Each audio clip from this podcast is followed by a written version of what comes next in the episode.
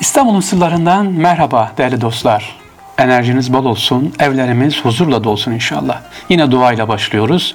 Rabbim tüm hanemize, Türkiye'nin, dünyanın neresine olursak olsun kardeşlerimize sıhhat, afiyet versin efendim. Sıhhatler, enerjiler nasip etsin.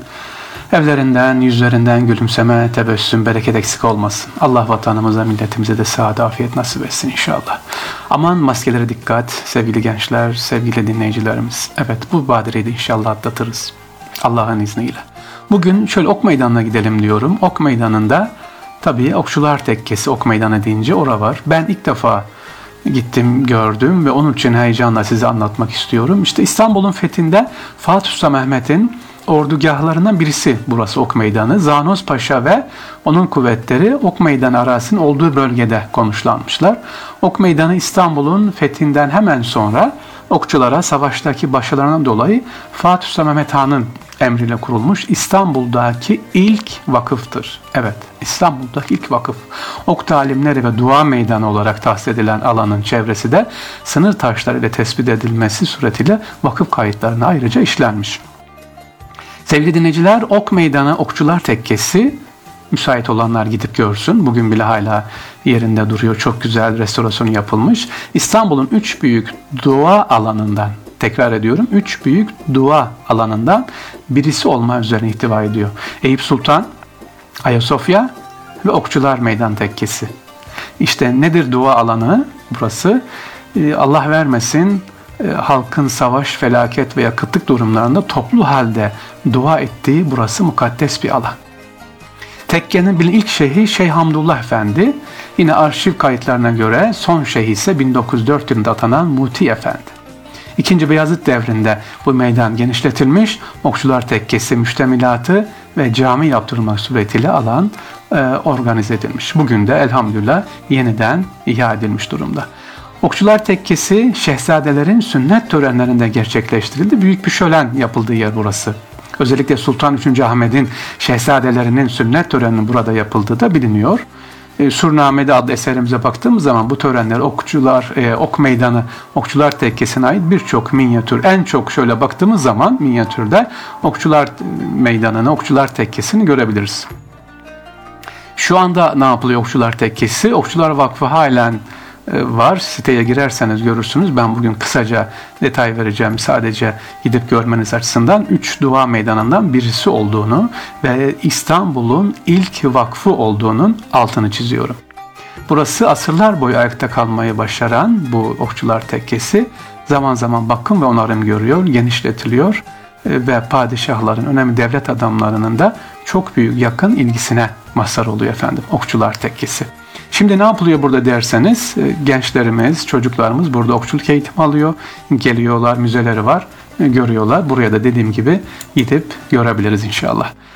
Okçular Tekkesi'ni anlattık ok meydanında ama bitmedi. Hemen şimdi sizden başka bir yere götüreceğim. Fişekhane.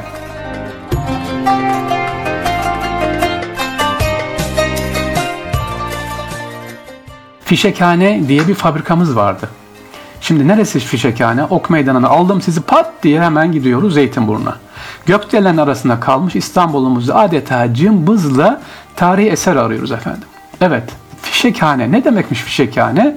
Askeri alanda Osmanlı ordusunun kuvvetlendirilmesi için yeni imalethaneler kuruluyor. Tüfek ve toplara gerekli mühimmat imal edecek atölyeler yapılıyor işte. Zeytinburnu'nun bugünkü fişekhane dediğimiz yerde Sultan 3. Selim ahşap tapa imalatının yapıldığı bir yer burası.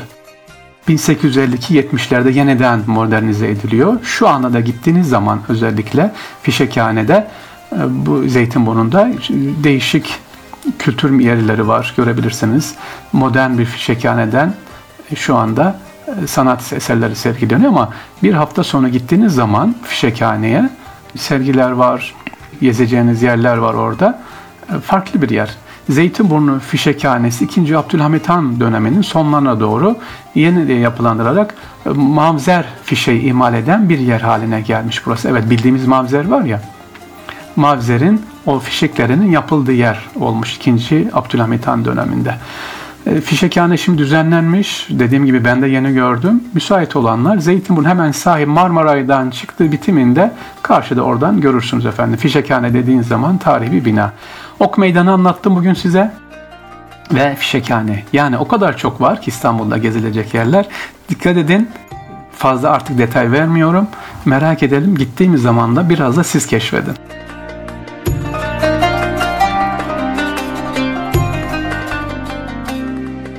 Sevgili dinleyiciler, Ok Meydanı anlattık, Fişekhane'yi anlattık. Şimdi de bir farklı mezarı anlatacağım. Müjdelenmiş asker olmak için müftülüğü bırakan bir zatı anlatacağım. Neredeymiş yerimiz efendim? Ee, un kapanında, böyle adım adım geziyorum un kapanında bir türbe gördüm, açık bir mezar yeri gördüm. Kim diye baktığım zaman üzerinde İbni Mettaz Salih Paşa Cami ve Haziresi diyor. İbni Mettaz. Allah Allah. Amasya müftüsü iken Fatih Sultan Mehmet'in ordusuna yer almak için Amasya'dan kalkıp İstanbul'un fethine gelmiş. Nedeni ise bakın müftülüğü bırakıyor İstanbul'un fethine geliyor. Nedeni ise Hazreti Peygamber sallallahu aleyhi ve sellem'in müjdesine nail olmak için. Yani nimel ceyş müjdelenmiş asker olmak için. Buraya geliyor. Fatih devreni bilginlerinden aynı zamanda Başmakçızade Tokatlı Hüsamettin Efendi e, diye biliniyor. Unkapanı'nda İbn Mettas Camii'nin karşısında ve mektebi altında. Allah dostunun en büyük imzası İstanbul'un fethine gelmiş olması ve işin reklamında olmayıp ilmi derinlik anlamında kendini vermesi. Kim efendim? Hüsamettin, e, kendi İbni Mettas ismi Hüsamettin Tokadi. Asıl adı Hüsamettin, Abdurrahman et-Tokadi, Fatih döneminde ileri gelen alimlerinden 1456'da yani fetihten 3 sene sonra vefat etmiş. Özellikle Talikat Ala Haşi Tecriti Seyyid Şerif ve Haşi Ala Şerhil Akaid adlı iki eseri var. Unkapanı Cibali Mahallesi Salih Paşa Caddesi üzerinde bulunuyor. E, mezarı var, burada tür açık mezarı var. E, hemen yanında camisi var. Ama tekrar edelim, niye anlattım ben Hüsamettin Efendi'yi? Amasya müftüsü iken sırf hadis-i şerife nail olmak için kalkıp buraya geliyor efendim. Gördünüz mü? E, o hadis-i şerif ne kadar önemli. Neydi? İstanbul elbette fetholunacak. Onun askeri ne güzel asker. Onun komutanı ne güzel komutan. Ben de o askerlerden olayım diye İstanbul'a geliyor. Allah niyetine göre inşallah nasip etsin. Tüm şehitlerimize, şühedalarımıza, gazilerimize hayırlar nasip etsin. Allah'a emanet olun efendim. Görüşmek üzere.